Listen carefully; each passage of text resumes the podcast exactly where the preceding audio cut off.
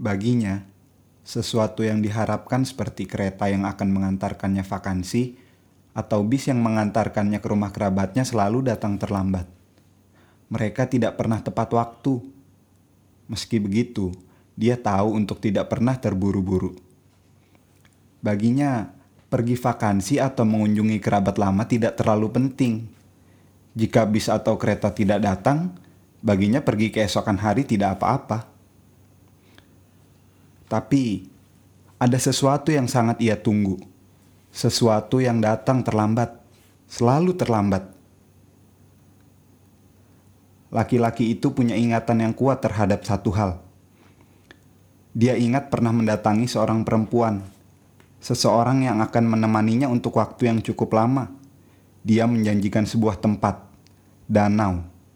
Suatu waktu, tempat itu dipenuhi oleh burung bangau pada sore hari Ketika mengajaknya, bangau-bangau itu menghilang, bersembunyi di balik bukit dan menertawakannya. Apa jadinya seorang perempuan yang merasa dikelabui? Di atas perahu, mereka berdua terdiam canggung. Yang satu menunggu berharap takjub akan sampai, tapi yang lain mulai mengkhawatirkan cuaca. Jawaban justru turun dari langit saat itu. Kekecewaan berwujud rintik air. Jika saja si laki-laki bersikeras, mereka berdua bisa tenggelam. Untungnya, perempuan tidak menyimpan dendam. Di mata laki-laki itu, dia melihat kesungguhan, dan meski telah memutuskan untuk bersama, si laki-laki tetap tidak bisa membuktikan bahwa di danau itu banyak burung bangau.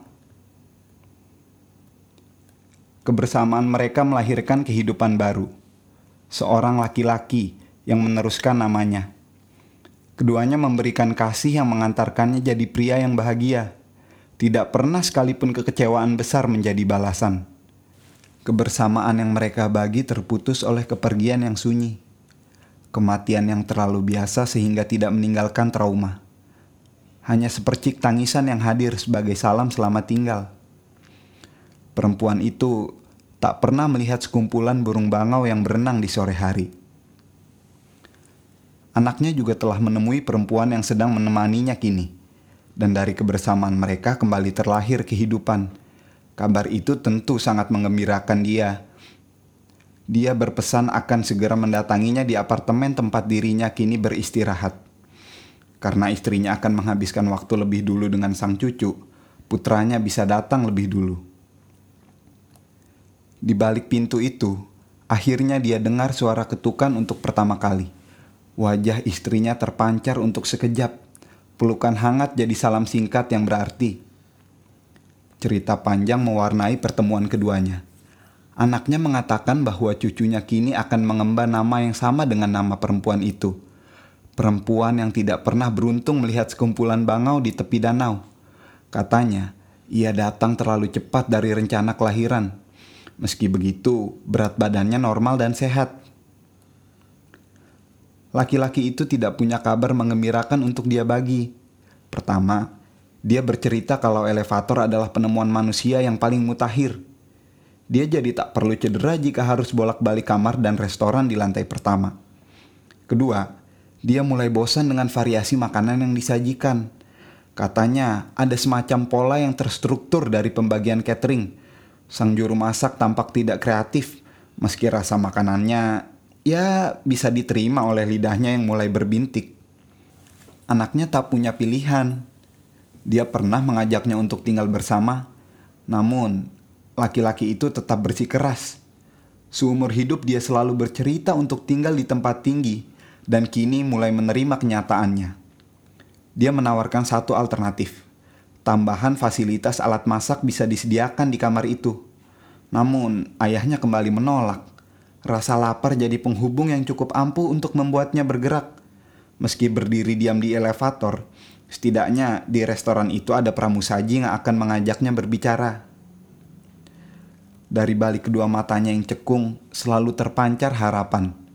Mata yang tidak pernah lelah menunggu, meski di dadanya kegetiran berkecamuk. Dia berkata akan menjemput cucunya esok siang. Tidak ada ajakan untuk keluar setelah memeluknya dan mengambil mantel yang ia gantung, ia pergi dari apartemen itu. Baginya, Sesuatu yang ia tunggu itu datang lebih terlambat dari kereta yang mengantarkannya vakansi atau bis yang mengantarkannya ke rumah kerabatnya. Malam itu, setelah anaknya pergi, ia tidak langsung tidur. Ia pergi ke dapur dan mengambil segelas air putih. Ia melihat sebuah meja kecil di samping televisinya. Ia berpikir untuk membeli sebuah akuarium dan dua ekor ikan. Besok, mungkin ia akan pergi ke sebuah toko hewan peliharaan dan membelinya. Memelihara dua ekor ikan akan menambah beberapa pekerjaan. Ia akan memberi makan ikan-ikan tersebut. Jika makanan ikan tersebut habis, ia akan datang ke toko peliharaan terdekat dan membelinya lagi.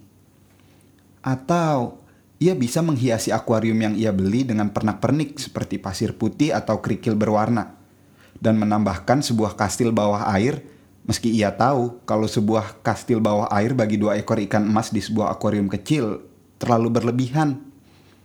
Dia jadi sibuk berfantasi apa jadinya sebuah kerajaan ikan di dalam akuarium. Sejenak ia tersadar dan berpaling memperhatikan pintu balkonnya yang terbuka. Ia pergi ke balkon itu dan mengamati langit malam yang berawan. Kota di bawahnya masih ramai dengan suara klakson mobil, kalimat persuasif dari para pedagang yang diacuhkan, dan tentu saja musik. Di bawahnya, orang-orang itu sama sepertinya mereka menunggu sesuatu yang datang lebih terlambat dari kereta atau bis dan lebih terlambat dari kurir makanan cepat saji atau bunga mawar di bulan April. Beberapa dari mereka masih sabar, tapi baginya ia telah menunggu sesuatu itu di lantai terakhir. Malam itu, saat ia memutuskan untuk tidur, ia tahu bahwa apa yang ia tunggu tidak datang terlambat, melainkan tidak datang sama sekali. Jika perlu, ia akan menjemputnya malam ini. Ia tahu benar berapa tinggi gedung apartemen ini, dan ia tahu benar bagaimana caranya untuk terlepas dari penantiannya. Malam itu dia berdiri tegak. Perasaan gusar turun dari pikirannya hingga ke ujung kaki. Ketika dia memejamkan mata, terdengar suara dentuman yang dia pikir adalah sebuah kembang api.